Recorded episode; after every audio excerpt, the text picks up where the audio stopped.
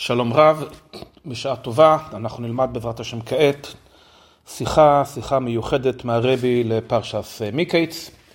אמנם השבוע זה שבוע של חנוכה, אבל זה גם פרשס מיקייץ, וסוף השבוע, שבת קודש, זה רק מיקייץ ולא חנוכה, אז נלמד מהקביעות של עכשיו, של השבוע, מלכות הסיכס חלק ט"ו, שיחה שלישית לפרשס מיקייץ.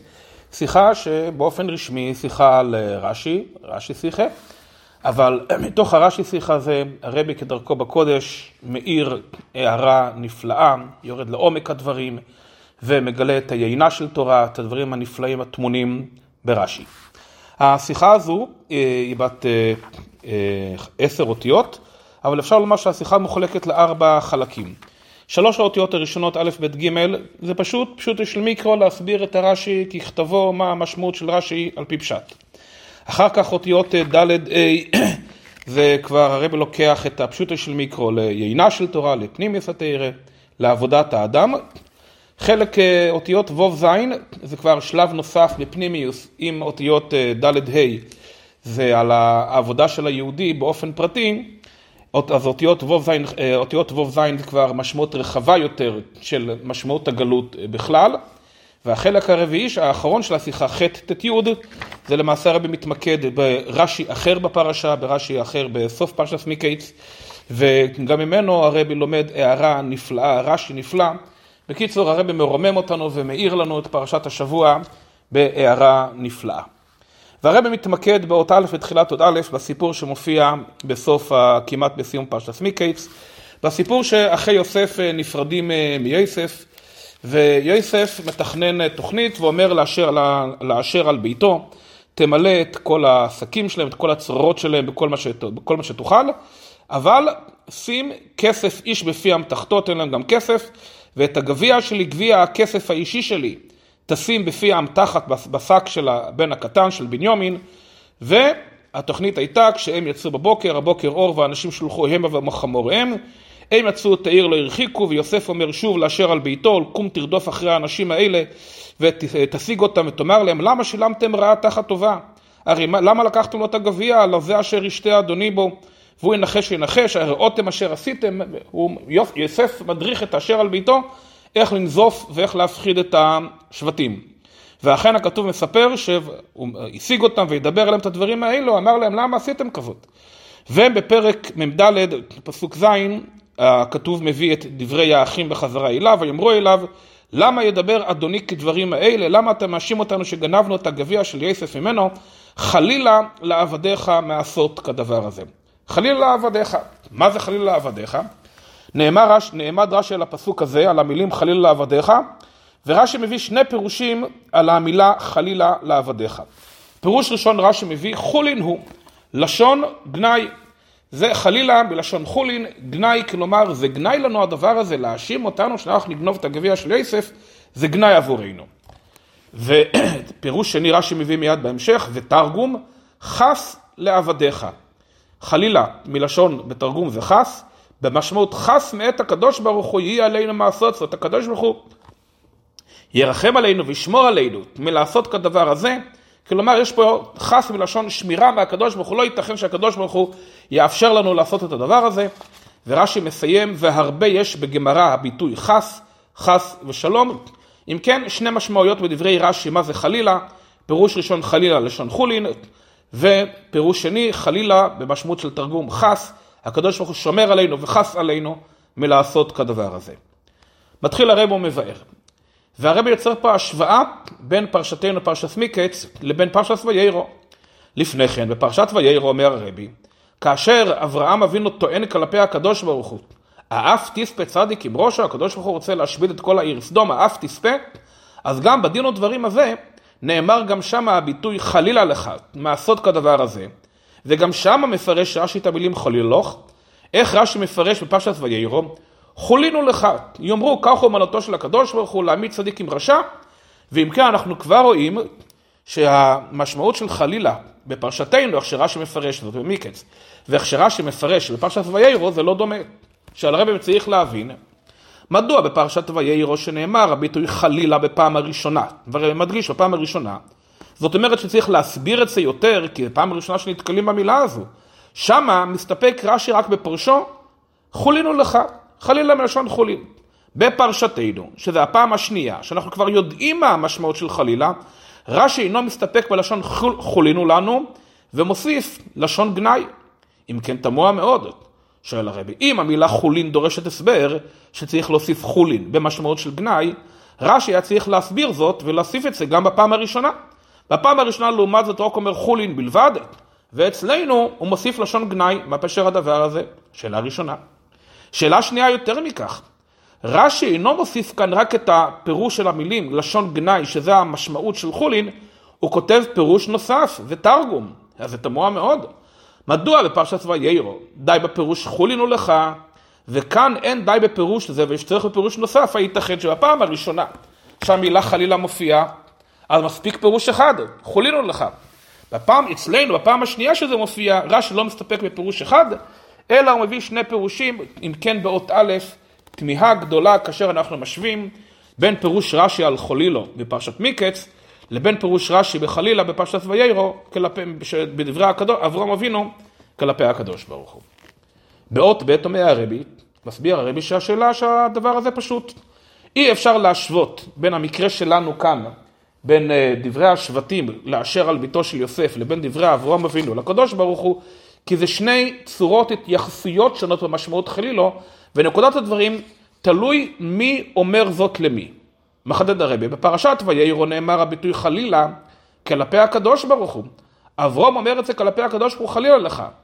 אצל הקדוש ברוך הוא כמובן ופשוט, אינו קיים כלל המושג חולין. הקדוש ברוך הוא למעלה מכל המושג חולין. אז מספיק לומר שעשות כדבר הזה בתמיהה הוא חולין לך. המשמעות של המילה חולין אנחנו יודעים. אצל הקדוש ברוך הוא הרי לא שייך המשמעות, מצב, עניין של חולין, אז אברהם אבינו מספיק שיאמר לו, חולין הוא לך לקדוש ברוך הוא, ש, שהקדוש ברוך הוא אה, ימית צדיק עם רשע, אז בעצם ההגדרה של אברהם אבינו, חלילה בלשון חולין, כבר מובן הדבר וזה כבר מופרך שהקדוש ברוך הוא ימית צדיק עם רשע, וברור שלא ייתכן דבר זה אצל הקדוש ברוך הוא, כי אצל הקדוש ברוך הוא מציאות של חולין לא קיימת. אז מספיק עצם ההגדרה חולין להבין שאין כזה דבר, אין כזה מציאות. אבל זה ביחס לדברי אברהם אבינו כלפי הקדוש ברוך הוא. בפרשתנו, כאשר מדובר לגבי בני אדם העוסקים בענייני חולין, בני אדם רגילים כן שייכים לחולין, חולין זה לא מופרך אצלם. אז לגביהם אין די בטעם חולין הוא לנו כדי לשלול מעשות כדבר הזה, לקחת את גביע הכסף, כי למה שבן אדם שיענו חולין, יהיה מושלל אצלו חולין? הרי כל עניינו חולין, בן אדם רגיל עוסק בענייני חולין. אז ההסבר לבד לומר שחולין בשבילנו, חלילה משל חולין, זה לא מספיק כדי לשלול את הטענה שאנחנו לא גנבנו. כי אז מה אם אתה חולין? נו, אז מה אם זה חולין לך? מה, אתה לא חולין? הרי מה נורא בכך שבני אדם עוסקים בחולין? הרי בני אדם שייכים לחולין. במילא אצלנו אי אפשר להסתפק עם ההגדרה חולין בלבד. לפיכך אומר הרבי, מוכרח רש"י להוסיף ולומר כאן אצלנו במיקץ, שחולין הוא לנו זה לא רק חולין, אלא זהו לשון גנאי. המושג חולין אינו מוגבל ומצומצם רק למשמעות שזה חול ולא קדושה, אלא זה ביטוי שמביע את הגנאי שבמעשה, ולכן הוא מופרך. אז חולין לבד זה לא מספיק, זה לא רק חולין, זה גם גנאי. אם זה גנאי לנו, אנחנו כבר יותר, יכול, יותר יכולים להבין למה זה אכן מופרך אצלם שהם יגנבו את גביע הכסף. אבל בעוד ג' הרב אומר לא. ההסבר הזה לומר שאם אם השבט, אם השבטים יאמרו שזה גנאי לנו, אז זה כבר יהיה מושלל אצלהם. העניין של גנבת גביע הכסף זה לא מספיק. פירוש זה אומר, פירוש זה, אומר הרבי, אינו חלק. כי אפשר לומר שחולין הוא לנו, לשון גנאי.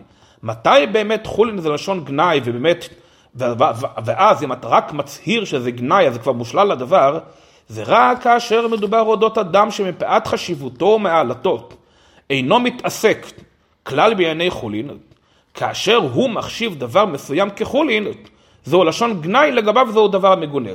מתי באמת אה, גנאי, דבר מגונה, אצל מי, אצל מי גנאי זה באמת דבר מופרך? אצל אדם שהוא רם המעלה, רם המעלה, אצל אדם שכלל לא מתעסק בענייני חולין, ואתה אומר אצלו, זה חולין בשבילי. לגבי אדם כזה, אז אתה מבין שחולין זה גנאי וזה לא מתאים בכלל. חולין זה לא מספיק, אבל באמת, גנאי זה באמת מופרך בשבילו. ואדרבה, אצל אדם כזה שהוא רם המעלה שלא מתעסק בענייני חולין, בביטוי הזה שהוא אומר חלילה מלשון חולין בלבד, הוא שולל את הדבר יותר מאשר מלשון גנאי מפורשת. אצל אדם כזה אומר זה חול בשבילי, אני למעלה מחול. הוא לא צריך לומר שזה גנאי, מספיק שהוא אומר שזה חול בשבילו, חולין בשבילו, ואנחנו כבר יודעים שזה מופרך אצלו. כי כך ניכר שדבר שאינו מתאים למעלתו שלול אצלו לגמרי, עד אשר דבר של חולין אינו פחות מגנאי אצלו, זה לא פחות גנאי, חולין זה לא פחות גנאי, מאשר דבר מגונה ממש כמו גניבה וכדומה. אז אצל אדם רם המעלה, חולין זה גנאי אצלו כמו דבר של גנאי אצל אדם רגיל, במילא אצל אדם כזה מספיק לומר חולין ואתה מבין שזה גנאי בשבילו. אבל זה אבל אצל אדם רם המעלה. לענייננו אך כאן צריכים היו השבטים לבטל את הטענה שיש להם קשר לגניבה. השבטים אה, נחשדו בגניבה. אז מראש הם כבר לא מצטיירים כאן ולא נראים כאנשי המעלה שגניבה מופרכת מהם. קשה אם כן לומר שאיך השבטים רצו להוכיח את הטענה שלהם שהם לא גנבנו, באומרם חולינו לנו, זה שהם אומרים חולין זה לא, זה לא, זה לא אומר שאכן ענייני חולין מושללים אצלהם, וזה לא גנאי אצלהם. הרי מביא פה את הביטוי מהגמרא, טל לתניא בדלא תניא, במשמעות הדברים, שאנחנו מבקשים לתלות מסקנה, ולהביא איזה מסקנה מסוימת, ואתה מביא איזה הוכחה, שההוכחה עצמה לבד אינה מספקת. טל לתניא, אתה רוצה לתלות משהו ולהביא מסקנה, ועל מה אתה נשאל, על מה אתה מבסס את המסקנה, בדלא תניא בדבר שהוא לא מוכח. אז אם, ה, אם ההוכחה היא לא מוסמכת, אם ההוכחה היא לא מספקת, איך המסקנה תהיה מספקת? אם כן כאן, הם השבטים רוצים להביא מסקנה, ולומר אצלנו גניבה זה מופרכת בדבר, והם רוצים לומר את זה, איך אנחנו מפריחים את טענת הגניבה בזה שאנחנו אומרים שזה חולינו לנו, שחולינו זה דבר מגונה אצלהם. אבל בוודאי שאדם שנחשד בגניבה והוא לא אדם רם המעלה, בוודאי זה לא יספק אמירה שחולין זה גנאי אצלי כדי לשלול עניין של גניבה. מי, מי, אמר, מי, אמר, מי אמר שההוכחה שלך היא באמת הוכחה? מי אמר שאתה אכן חולין זה גנאי אצלך? הרי אתה לא נראה כאדם רם המעלה. והרבא מחדד יותר מזה, על אחת כמה וכמה בלתי מובנת. והרי את מי הם רצו, את מי השבטים רצו לשכנע בטענה הזו? הם רצו לשכנע בזה גוי, שליחו של יוסף, ובנוסף לכך, גוי מארץ מצרים, גוי שלא מבין את כל המשמעויות, גוי מערוות הארץ, אצל הגוי הזה דברי חולין בוודאי אינם מגונים. אז לך תשכנע מישהו שחולין זה דבר גנאי שזה לא השפה שלו וזה לא העולם שלו. אצלו דברי חולין זה דבר רועי ואידיאלי, ואתה אומר לו שאצלך חולין זה לשון גנאי, למה שהוא יקבל את האמירה הזו? אם כן, היה מתאים יותר לבטא את השלילה המוחלטת של מעשה הגניבה אצלהם על ידי ביטוי ברור של גנאי, ולא על ידי המילים חולינו לנו. השבועות מבקשים לשכנע את אשר על ביתו של יוסף, שהגניבה היא דבר מופרך, באמירה שזה חולינו לנו, וחולין זה לא רק חולין זה לשון גנאי, אבל במקרה הזה הם היו צריכים לומר מילה הרבה יותר מפורשת כדי לשלול את הגניבה, ולא להספק באמירה של חולין, והוא יבין מזה שזה חלילה, וחלילה זה לשון גנאי. הרי א', אצל השבוטים מלכתחילה, מי אמר שזה מופרך? ב', מי אמר שזה ישכנע אדם שהוא כולו חולין, אשר על ביתו של יוסף, שהוא שומע דברים מהשבטים שחולין אצלם זה דבר מופרך. ממילא הפירוש לומר שכאן חלילה מלשון חולין, זה לא מספק, הן מצד השבטים עצמם זה לא מספק, הן מצד מקבל הטענה אשר על ביתו, בוודאי לא מסתפק בזה. לכן אומר הרבי, שרש"י מביא גם כן את הפירוש השני, פירוש התרגום, שמשמעות המילים חלילה לעבדיך זה לא חולין, אלא חס לעבדיך, חס מת הקדוש ברוך הוא, ופה משמעות הדברים הוא שהחס ושלום שיהיה אצלם עניין של גניבה זה מופרך אצלנו, כי חס מאת הקדוש ברוך הוא יהי עלינו מעשות זאת. הקדוש ברוך הוא מרחם עלינו, אינו מאפשר לנו להיכשל בשויגג אפילו בדבר כזה. כלומר, פה זה כבר אמירה אחרת שהקדוש ברוך הוא שומר עלינו ומגן עלינו, ולא ניכשל אפילו בשויגג, חולין מלשון חס, וזה כבר אמירה יותר ברורה, יותר משמעותית, שזו אמירה משכנעת. אם כן, אנחנו מבינים כעת, מדוע אכן רש"י צריך להביא את שני הפירושים. עם זאת, הפירוש השני מלשון התרגום, הרבי גם כן אומר, הרבי אומר שרש"י לא מסתפק בזה ומביא אותו גם כן כפירוש שני, מדוע?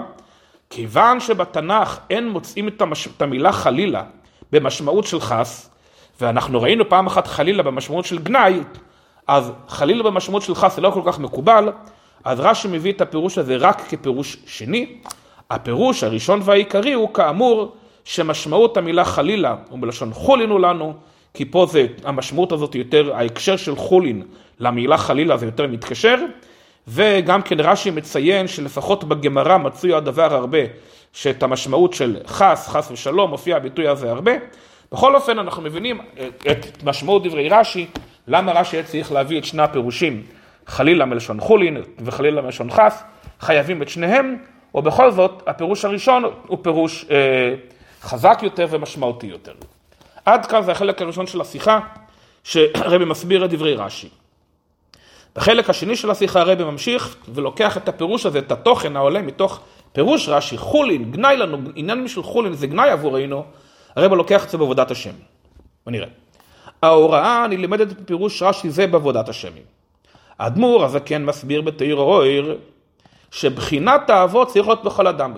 האבות אברהם, יצחק ויעקב, כולנו בנים של כל אחד מהאבות, במילא המדרגה שלהם נמשכת לכל יהודי, וכל יהודי אמור לשקף בעבודה שלו את מדרגת האבות. אבל שאר הבחינות, כגון השבטים, יש לך אדם שאין בו כלל בחינות ומדרגות אלו. לא כל יהודי צריך לייצג בעבודתו את העבודה של כל אחד מהשבטים, תחדת. שיש יהודי שאין לו, שי... לו שום שייכות לחלק מסוים מעבודת השבטים. פירוש הדברים מחדד הרבי, לא בכל יהודי צריך להיות כל העניינים המיוחדים שבהם נבדל שבט אחד במשנהו. הרי לכל שבט יש עבודה ייחודית, 12 שבטים, 12 שבטי קות, 12 קווים בעבודת השבט. לא לכל אחד, לא לכל יהודי, שאת כל, ה... כל הייחודיות של כל שבט. מה כן יש לו? לא את הייחודיות שלהם, אבל את העניינים הכלליים שהיו אצל כל השבטים, בהיותם בני האבות, צריכים להיות אצל כל יהודי. כמו שאברום, יצחק ויעקב, שהם עניינים כלליים, זה העניינים הכלליים צריכים להיות אצל כל יהודי? השבוטים, בהיותם ממשיכים כלליים של יעקב אבינו, העניין הכללי שבהם כן צריך להיות אצל כל יהודי. לענייננו, פה אנחנו רואים אמירה כללית של השבוטים, חלילה, לא, חלילה לנו, וחלילה זה מלשון חולין וגנאי, זה כן צריך להיות אצל כל יהודי. בענייננו אומר הרבי, כיוון שהטענה חולין הוא לנו לשון גנאי, זה לא הייתה של שבט מסוים, אלא כולם אמרו את זה ביחד, כל השבטים בכלל. מובן שעניין זה כן חשוב לכל יהודי. מה ההוראה? הוראה נפלאה. אומר הרבי, יהודי צריך לדעת שכל מהותו הוא קדושה. הוא וחולין, גשמיות, הם שני עולמות נפרדים. עד כדי כך שזה, שזה נפרד ממך החולין, שזה לא סתם חולין, אלא העיסוק בחולין אצל היהודי הוא גנאי בשבילו, וצריך להיות שלול אצלו לגמרי. מה שהשבטים אמרו חולין, גנאי, ורש"י מוסיף גנאי הוא לנו, אז הרב אומר פה שהשבטים מבטאים ענייני חולין זה באמת גנאי ומופרך אצלנו, וככה אצל כל יהודי אמור להיות. והרגשה זו מחדד הרב אינה צריכה להיות רק בפנימיותו של היהודי, אלא גם בגלוי, באופן שאפילו אומות העולם יבחינו בכך שהוא אינו קשור לחולין. כמו שבפשוטם של דברים, הגוי האשר על ביתו של יוסף השתכנע שאצל השבטים חולין זה לשון גנאי, כלומר העבודה של השבטים ניכרת אצל הזולת, אז זה לא רק עניין פנימי, זה רגש פנימי, אלא רגש שניכר בחיי היומיום. כאמור לעיל שאצל השבטים היה מובן שהטענה חולין הוא לנו בלבד, ועצם הטענה הזו היא הוכחה מספקת עבור גוי ממצרים, מערוות הארץ, שאצלו, אצל השבטים, לא ייתכן דבר שכזה. כלומר, גם הגוי רואה ומבין שענייני חולין אצל היהודים, אצל השבטים, מופרכים אצלם בדיוק כמו גניבה אצל אחרים, כמו דבר גניבה, שזה הגוי כן יכול להבין שזה דבר מופרך, אז הגוי כן משתכנע שגם עניינים של חולין סתם, גם זה מופרך אצלם כמו גניבה. אז, אז זה גם כן, זה גם כן ההוראה לכל יהודי, שזה ה, ה, ה, היחס שלו לחולין, שבלשון גנאי, צריך להיות ניכר בגלוי. והרב מחדד, זה לא אומר שלא מתעסקים עם חולין. לא אמרנו כאן, לא, ההוראה היא לא שצריך להתנתק מחולין לגמרי ולא לעסוק. נכון שהתורה מצווה את ישראל, כל יהודי ששת ימים תעבוד ועושה כל מלאכתך. יהודי כן צריך להתעסק בימות החול בעיני חולין, אבל אין הכוונה, אין הכוונה שיהודי ישפיל את עצמו לדרגה של חולין, שהראש שלו יהיה בחולין והוא יימשך אחרי החולין, אלא להפך, שהיהודי יעלה את החולין למצב, כמו שהמשנה אומרת, חולין על טהרת הקודש. קח את ענייני החולין, אל תיפול לתוכם, אלא תעלה אותם לקדושה. וזאת על ידי העבודה של כל מעשיך לשם שמיים, יותר בזה בכל דרכיך דאהו, הרב מפנה פה בלקוט הסיכס, לקוטסיכס חלק ג', ששם הרבי מבאר את ההבדלים הידועים בין כל חולין לשם שמיים, שהחולין זה רק לשם שמיים ולעבדה הם נשארים חולין, או יותר מכך בכל דרוכי חודאיו, שהחולין עצמו הופכים להיות ענייני חולין, ענייני קדושה. על כל פנים, אצלנו היהודי לא שייך לחולין, הוא מעלה אותם עד כפי שהרבי מחדד, עד שהוא מקדשה ממש והם נעשים קודשים קלים, ואף למעלה מזה קודשי קודשים, הוא לוקח את העניינים הכי נחותים ומעלה אותם למדרגות הכי גבוהות. זה עוד ד'. באות ה' הרב אומר דבר נפלא. הכוח של היהודי, שגם כשהוא מתעסק עם חולין, הוא לא יורד אל החולין, אלא הוא מעלה אותו למעלה, אז במידה מסוימת הרב אומר זה משתקף גם כן בהערה האלוקית של הקדוש ברוך הוא בעולם, ועבודת היהודי היא שיקוף של הגילוי האלוקי בעולם, שגם שם יש מעין עניין שהקדוש ברוך הוא יורד לעניוני חולין, הקדוש ברוך הוא מחיה את העולם, אבל כמובן החולין הזה לא קורם שפלות וירידה בקדושה, באור האלוקי. מחדד הרבי באות A, יכולתו של היהודי להגיע למדרגה שכזו, שאפילו בהתעסקותו ברשות התורה, בדברי חולין, הוא נבדל מהם לחלוטין, עד כדי כך שהם גנאי עבורו. ממה הוא מקבל את הכוח לזה? זה נובע מכך שאצל הקדוש ברוך הוא בעצמו גם קיים העניין הזה, והקדוש ברוך הוא משקף גם כן את אותו תהליך, שגם האור האלוקי שהקדוש ברוך הוא מאיר כאן בעולם, אור שהוא לפי ערך העולמות, האור הזה אינו נתפס חס ושלום בעולמות, כלומר שהאור הזה מקבל מההגשמה של העולמות, בגלל שהאור הזה מחיה את העולמות, במילא לא קיים אצל הקדוש ברוך הוא עניין של חולין חלילה. אמנם הקדוש ברוך הוא מתעסק עם חולין כביכול, כי הקדוש ברוך הוא בורא ענייני חולין, אבל האור האלוקי לא מצטמצם ולא מתלבש ולא מתגשם בהתאם, לה, בהתאם לירידה הזו. בסוגריים, במאמר, בסוגריים מרובות, הרבי אומר פה רעיון מעניין ויש פה דיוק נפלא על פרשת ויירו שאמרנו מקודם, וזה מעניין שביור על פרשת ויירו, בלשון הכתוב, מתבאר פרשת מיקס. בסוגריים הרבי אומר כך, בכך, ברעיון הזה שאמרנו מקודם שהקדוש ברוך הוא יורד לחולין, מחיה את החולין, אבל החולין לא נתפס באור האלוקי, בכך מובנת ההדגשה וההכפלה בטענת אברהם, שהזכרנו אותה מקודם, שהקדוש ברוך הוא, אברהם אומר, אומר לקדוש ברוך הוא פעמיים, חלילה לך מעשות כדבר הזה, ואברהם חוזר שוב, חלילה לך, השופט כל הארץ. למה אברהם חוזר פעמיים? שואל הרבי הרי לכאורה, גם אילו היה אפשרי לומר שהקדוש ברוך הוא אינו חס ושלום, חס וחלילה בדרגת היושר והצדק של שופט כל הארץ, אה, כלומר, אברום אבינו מביא פה שתי טענות. האם אתה, שופט כל הארץ לא יעשה משפט? וטענה נוספת, חלילה לך מעשות כדבר הזה, להעמיד צדיק עם רשע. אז הרב אומר שטענה אחת לא מחייבת את הטענה השנייה. גם אם הקדוש ברוך הוא, חלילה, אינו בדרגת היושר והצדק של, שכפי, ש, כפי שמצופה מהשופט כל הארץ, במילא הטענה הזו היא אכן אה, יורדת, עדיין מופרך לגמרי לעשות כדבר הזה להעמיד צדיק עם רשע. אם כן, אז מה מוסיף הטענה חלילה לך השופט כל הארץ, הרי טענה מיותרת. כי הטענה העיקרית והמרכזית זה חלילה לך מעשות כדבר הזה להעמיד צדיק עם רשע. וייתכן שכאילו הקדוש ברוך הוא, הוא לא, אה, בתיאוריה, חס ושלום, גם אם הוא לא בדרגה של השופט כל הארץ לא יעשה משפט, עדיין זה לא, לא מגיע למדרגה הנמוכה יותר, לטעות חמורה יותר, של להעמיד צדיק עם רשע. אלא הרב אומר פה שאכן בחליל לך השופט כל הארץ לא יעשה משפט, יש פה משמעות אחרת, משמעות פנימית יותר. בדברי אברהם אבינו הוא מדגיש שגם בדרגה של הקדוש ברוך הוא בהשופט כל האורץ, מה זה השופט כל הארץ? דרגת האלוקות, הגילוי האלוקי שבה מעשה התחתונים תופסים מקום, כלומר השופט כל האורץ, ענייני האלוקות יורדים למעשה התחתונים, וגם שם הם נשפטים. ומשם נובע העניין של שכר ועונש, כי אכן הקדוש ברוך הוא מודד ומתאים את ההנהגה בהתאם למעשה הנבראים, גם שם אין כלל מקום לעיני חולין, כלומר, חלילה לך מהשפט כל הארץ, כביכול יש פה שתי טענות.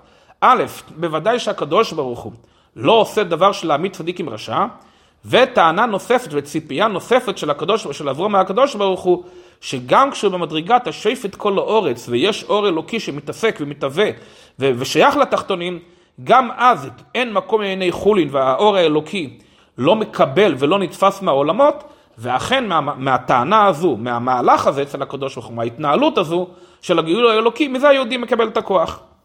עד כאן הסוגריים המרובעות, ביאור נפלא שהרבי מאיר כאן את פרשת ויירות.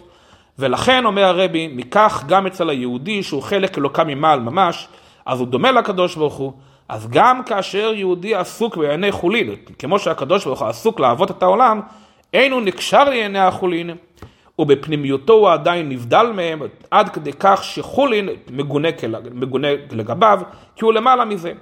ואכן זוהי הסיבה לכך שיהודי מסוגל להפוך את החולין לטהרת הקודש, ולהעלות ענייני חולין לקדושה, כי בפנימיותו של היהודי הוא נעלה לחלוטין מענייני חולין. עד כאן החלק השני של השיחה, שבה הרב לוקח משמעות פנימית מפירוש רש"י שראינו מקודם, בעיינה של תורה בעבודת השם. בחלק השלישי של השיחה הרב מרחיב את הרעיון והרב אומר ככה, הנקודה הזו שאמרנו כאן, שיהודי הוא למעלה מענייני חולין, גם כשהוא נמצא בחולין, יש לזה משמעות רחבה יותר לכללות עניין הגלות והגאולה ולכללות המצב שעם ישראל נמצאים בגלות. בואו נראה, אות ו' ההוראה הזו האמורה קשורה לתוכן הכללי של פרשתנו, של פרשת מקץ, שבה מדובר על הקץ ועל הסיבות למאורעות האחרונים שהביאו לירידת יעקב לבניו ולמצרים ולגלות מצרים שהיא ראש לכל הגלויות.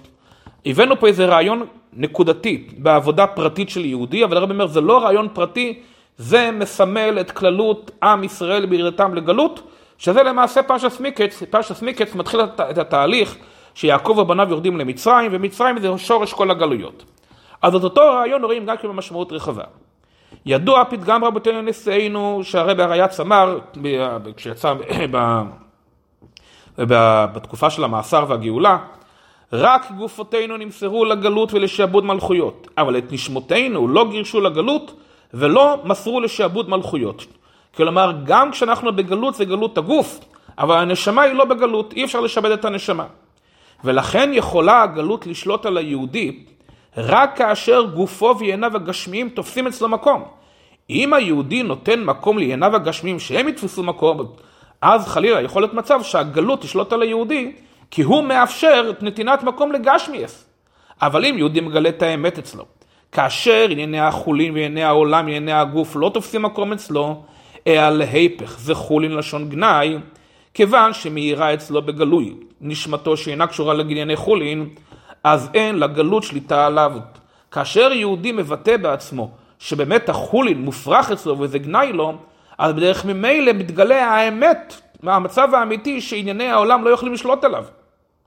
ופה הרב אומר עוד וורט נפלא, עוד רעיון נפלא באות ו', עוד רעיון שבו הרב מאיר על פי פשט את הסיפור של הגביע והשבטים, ויש לומר שזו הטעם בפנימיות לכך שהמאורע האחרון שגרם לירידת יעקב ובניו למצרים היה מציאת גביע הכסף אצל השבטים, הרי בעקבות הגביע, אז, אז יוסף לקח את שמעון, ואחר כך הלכו שוב, והגיע בנימין וכל העניין, אבל המאורע הזה בפרשת מיקץ חותם את הפרשה, ומזה התחיל התהליך שיעקב ובניו יורדים למצרים, המאורע של גביע הכסף אצל השבטים.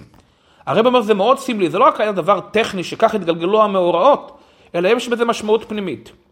כאמור, גלות ושעבוד מלכיות אינם יכולים לשלוט על ישראל, אלא כאשר יש אצלם פגם כלשהו במצב של חולין לשון גנאי.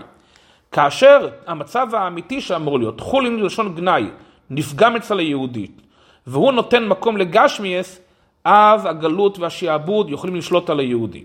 לענייננו, הכישלון בהימצאות גביע הכסף אצלם, אצל השבטים, אפילו שלא בידיעתם, להם, אפילו בשייגג, אבל כבר נכנס לסם שייכות לגביע הכסף, הם כבר שייכים לגביע, לגביע הכסף, זו הוכחה לפגם מסוים בשלילתם את החולין, חולין כבר לא מופרך אצלך, מוצאים אצלך גביע הכסף, אתה שייך לגביע הכסף, כבר יש שייכות לגשמיאס, וזה כבר מתחיל הירידה לגלות, רעיון נפלא, שהרבי מאיר פה את הדברים. הרבי מביא, בדומה לידוע שמצד נשמת היהודי, לא ייתכן שהוא יעבור עבירה אפילו בשייגג, וכיוון שכאן, בשייגג הראה להם את הדבר הזה, זה כבר מראה שיש להם שייכות לחולין, לשון גנאי, יש להם שייכות לגביע הכסף, ומזה מתחיל השיעבוד. אבל כשיהודי מושלל אצלו החולין, ענייני החולין וענייני העולם, בדרך המילא הוא פורק מעליו כל אפשרות של שיעבוד וגלות. וככה זה אצל כל יהודי בפני עצמו, וגם לגבי עם ישראל בכללותו. כשם, אומר רבי באות זין, כשם שלגבי היהודי, כל עניין הגלות רק בחיצוניות מצד הגוף. ואילו בפנימיותו מצד הנשמה או במצב של חירות וגאולה וזה המצב האמיתי, כך לגבי עניין הגלות עצמה, שהגלות עצמה היא זיוף. הגלות עצמה היא לא, היא לא דבר אמיתי. הקדוש ברוך הוא, אומר הרבי, שולח את ישראל לגלות. למה נמצאים בגלות? לצורך העלייה והגאולה שתבוא אחר כך. זו הסיבה היחידה של הגלות. ולכן זו ירידה לגלות רק בחיצוניות, ואילו בפנימיות ובכוונה של הגלות, המטרה היא זהו עניין של עלייה וגאולה. גם הגלות היא דבר חיצוני, גם, גם הגלות היא לא דבר אמיתי. וזו אומר הרבי, מסביר, הרבי מביא פה את הרעיון הידוע בפנימיות העניינים למאמר חז"ל הידוע, שמיד לאחר החורבן נולד מושיענו גאולן של ישראל, הרי הרגע היה חורבן, אז מה, מה דחוף כל כך שהמשיח הגואל ייוולד מיד עם החורבן? למה זה חייב להגיע מיד? כלומר שמיד בתחילת הגלות התחילה הגאולה כדי לבטא שזוהי המהות הפנימית של הגלות ואין לגלות מציאות משל, עצ... משל עצמה ועניינה של הגלות, הפנימיות של הגלות, הכוונה של הגלות זה העלייה וגאולה שזו אותו נקודה שאנחנו מחדדים כאן שבאמת אין מצב של שליטה על יהודי וגם אם יש מצב של שליטה זה שליטה בחיצוניות אבל באמת גם הגלות באה להביא עלייה ואם כן אומר הרבי זוהי העבודה של היהודי על ידי כך שבהתנהגותו ניכרת דמותו הפנימית, ניכרת הנשמה שלו שהיא נהלית מלהיות בגלות, אז היהודי מגלה גם את הפנימיות והמהות של הגלות, גילוי הגאולה. לא רק שהיהודי שולל מעצמו מצב אישי של גלות, אלא בעבודה שלו מגלה את האמת הכללית של כל העניין, של כל המערכת, והוא מגלה שהאמת הפנימית של הגלות זהו גאולה. אז עד כאן זה החלק השלישי של השיחה באות ז', וכאן באות, באות ח' הרב עובר לעניין אחר לגמרי, לרש"י כמעט בסיום הפרשה, רש"י נפלא, רש"י מעניין, והרב מאיר ברש"י הזה דיוקים חדשים שמתקשרים ברעיון הכללי לרעיון שאמרנו מקודם. ממשיך הרבה באות ח' כאמור פעמים רבות, יש בפירוש רש"י על התורה עניינים מופלאים של כל חלקי התורה, וגם בדרך הרמז וגם בדרך הסוד. כלומר, גם בדרך הרמז והסוד שברש"י אפשר למצוא עניינים מופלאים, יש רש"י שמביא כל מיני דרשות וכל מיני אה, אה, דברי דקדוק, מכל הדברים האלה אפשר ללמוד עניינים מופלאים. לעניין הגלות והגאולה שעסקנו בזה עכשיו, מתוך הרש"י של חוליל לחולין אלוהה, אז הרעיון הזה גם כן אפשר למצוא לו רמז, הרב בפירוש רש"י בסוף הפרשה. על המילים, בהמשך כאשר אה, באמת האיש על ביתו של יסף מצא את הגביע, ואז אה, באמת הם אה, מתחילים, אה, באים לפני יוסף, ויוסף מגיע אליהם בטענות, מה עשיתם? הרי ידעתם, הלא ידעתם כי נחש ינחש איש אשר כמוני, אז יהודו מתדיין עם יוסף, ויהודו אומר לו, מה נאמר לאדוני, מה נדבר ומה נצטדק. המילה נצטדק זה תמוהה בשביל רש"י, מה זה נצטדק? אז רש"י מסביר, ולא ניכנס כאן לכל הדקדוק, מפרש רש"י לשון צדק. מה כביכול, מה נצדיק את עצמנו? אין לנו מה להצדיק את עצמנו. אז אם, אם זה מלשון צדק, איך הגיע פה אות ט', אז רש"י מביא פה כלל דקדוקי. כל תיבה שתחילת יסודה צדי, מילה, ש, אה, רעיון, ביטוי, שה, שהשורש שלו מתחיל והאותיות היסודיות מתחיל בצדיק, כשהיא באה לדבר בלשון מתפעל או נתפעל, אנחנו מפעילים את המילה, ואנחנו מתפעל, כלומר, מייחסים את המילה בכל מיני הטיות. אתה רוצה לומר, אני, אה, אני מצטדק, אני אצטדק, אז אנחנו כבר רגילים במילים האלה. אבל כאשר אתה משמיעים את המילים האלה, שצדק זה מילת היסוד, זה שורש. אבל כשאתה אומר, אנחנו באים להטות את המילים האלה בהקשרים אחרים, אז, אז, אז ההקשר מופיע, המילה משתנית ונותן ט' במקום ת'. לפעמים אנחנו אומרים, אנחנו עושים הקשרים ובלשון מתפעל בביטויים אחרים, אה, שתעשה, נעשה, תעשה וכולי, אה, אבל כשזה מגיע בלשון, אה, כאשר המילה מתחילה בצדיק, אז אין את התף, אלא אנחנו שמים ט' במקום התף, ואיפה ממקמים את התף, איפה ממקמים את הט', הט' אינה ניתנת לפני האות הראשונה של יסוד התיבה, הט' לא מופיע לפני הצדיק, אלא באמצע האותיות העיקר, כמו לענייננו, האותיות העיקריות הן צדיק, ד', ק', צדק, והט' מגיע באמצע. בסוגריים הרב מביא שרש"י מביא לכך כמה דוגמאות.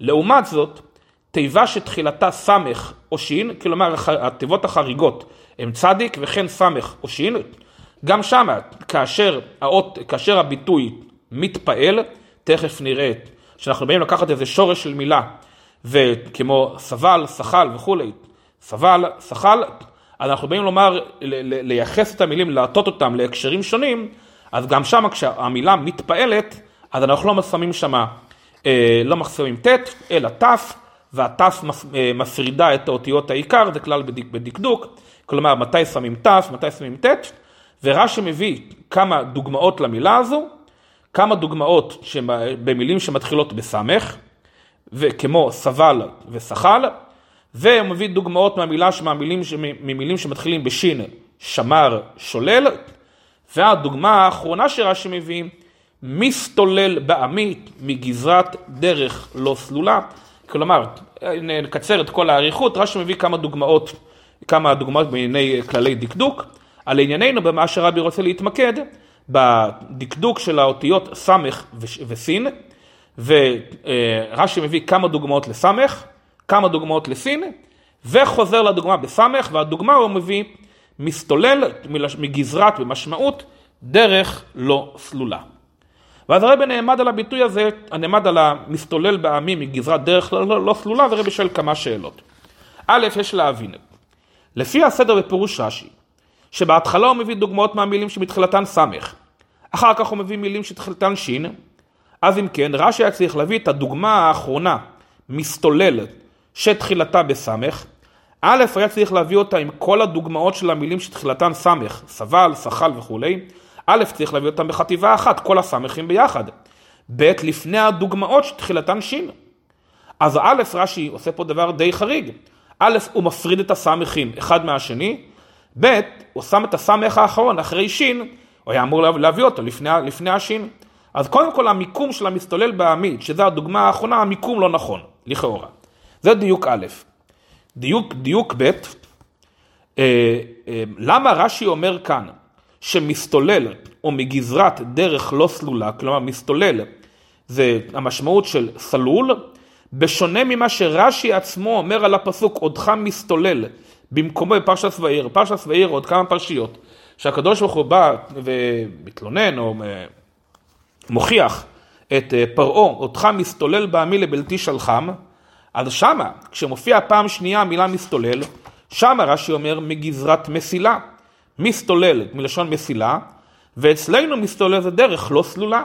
אותו מילה, ורש"י מסביר בשני המקומות, לא כל כך רחוק אחד מהשני, אבל כל פעם הוא נותן משמעות אחרת. אצלנו דרך לא סלולה, ושם זה מגזרת מסילה.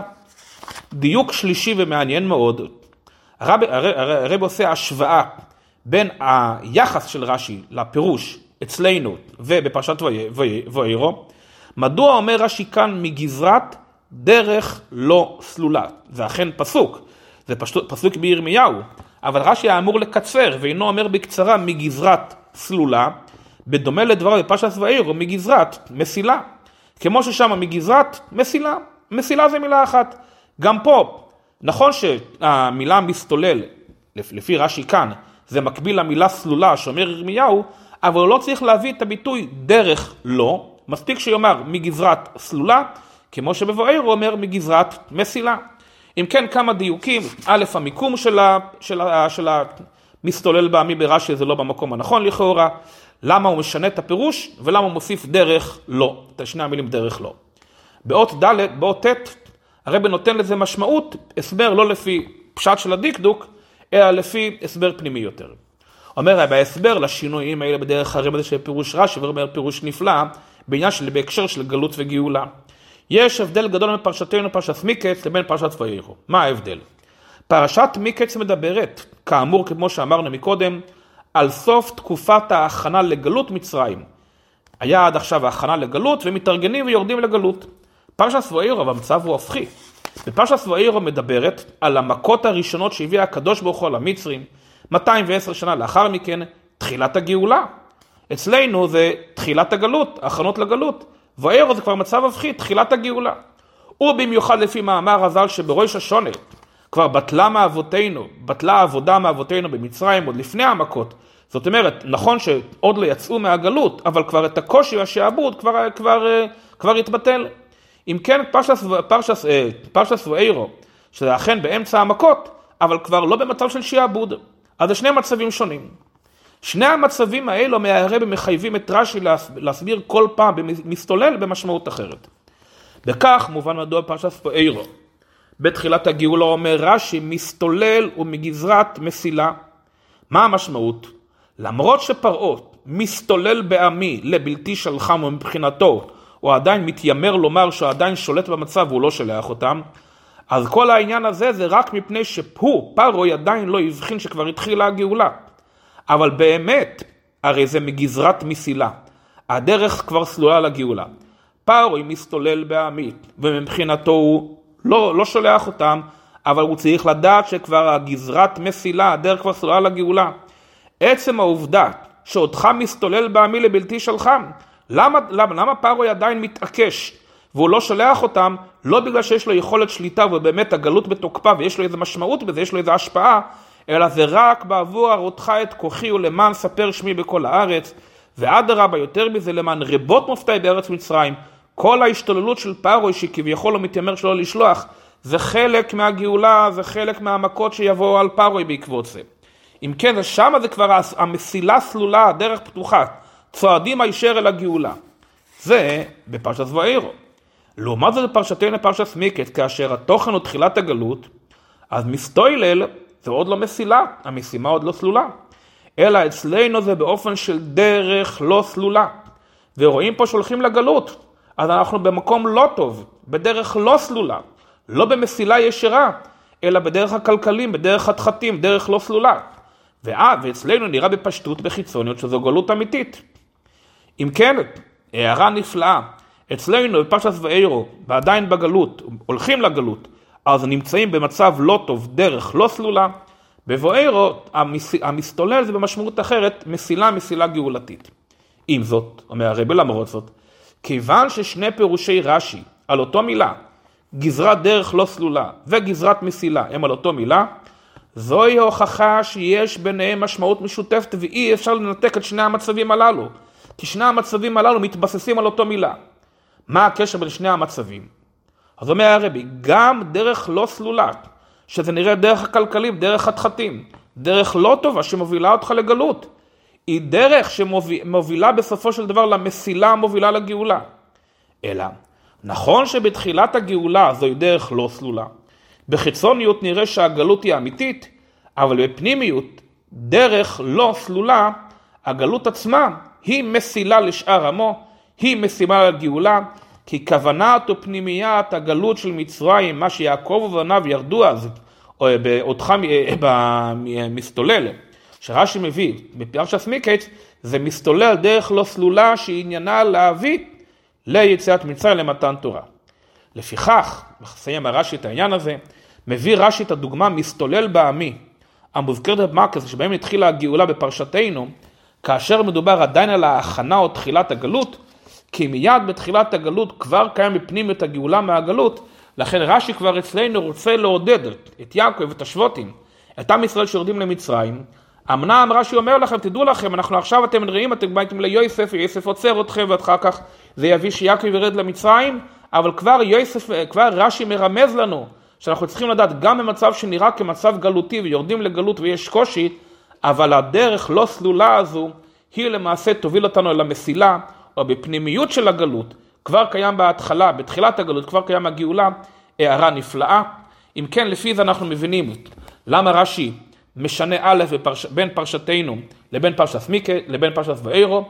אנחנו מבינים גם כן למה רש"י מדגיש דרך לא סלולה, והוא לא רק אומר מגזרת סלולה, כדי להדגיש שזה דרך לא סלולה ואין פה, ואין פה דרך ישרה.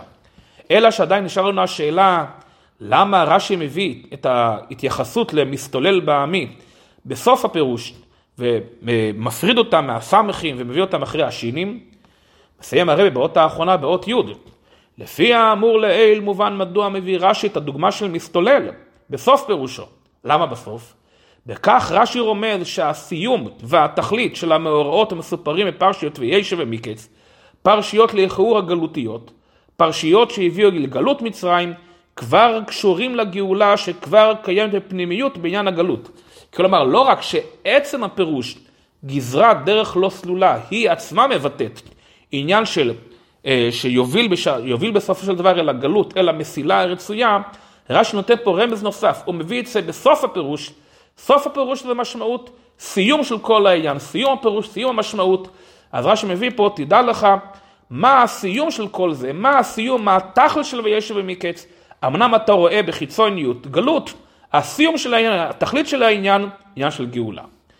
פה הרב לוקח את זה מהגלות הראשונה, גלות מצרים, לגלות שלנו, הגלות האחרונה, חותם הרב את השיחה הנפלאה הזו, וכך גם לגבי הגלות הזאת האחרונה, שכאשר יהודי חש את כל מה שלמדנו כאן, שכל עניין הגלות הוא חיצוני בלבד, יהודי חי וחווה ולומד ברצינות ומבין את השיחה וחי עם השיחה, והשיחה הזו פועלת אצלו, לחוש שכל הגלות זה חיצוני בלבד, ואילו בפנימיותו הוא מעל הגלות, וכבר קיים כבר עניין של העתיד, הוא יודע שזה האמת, בתוכו, בתוך המצב הנוכחי. קיים כבר העתיד והוא חי עם זה והוא פועל עם זה והגלות לא שולטת עליו. והוא מופרך מחולין וכולי, חולין כפשוטה וחולין של הגלות לא שולט עליו, כשיהודי חי כך, אומר הרבי זה מגלה את פנימיות הגלות מההיעלם אל הגילוי, ובאה הגאולה האמיתית והשלמה על ידי משיח צדקנו, בקרוב ממש, שיחה נפלאה, בשורות טובות וצ'אבס.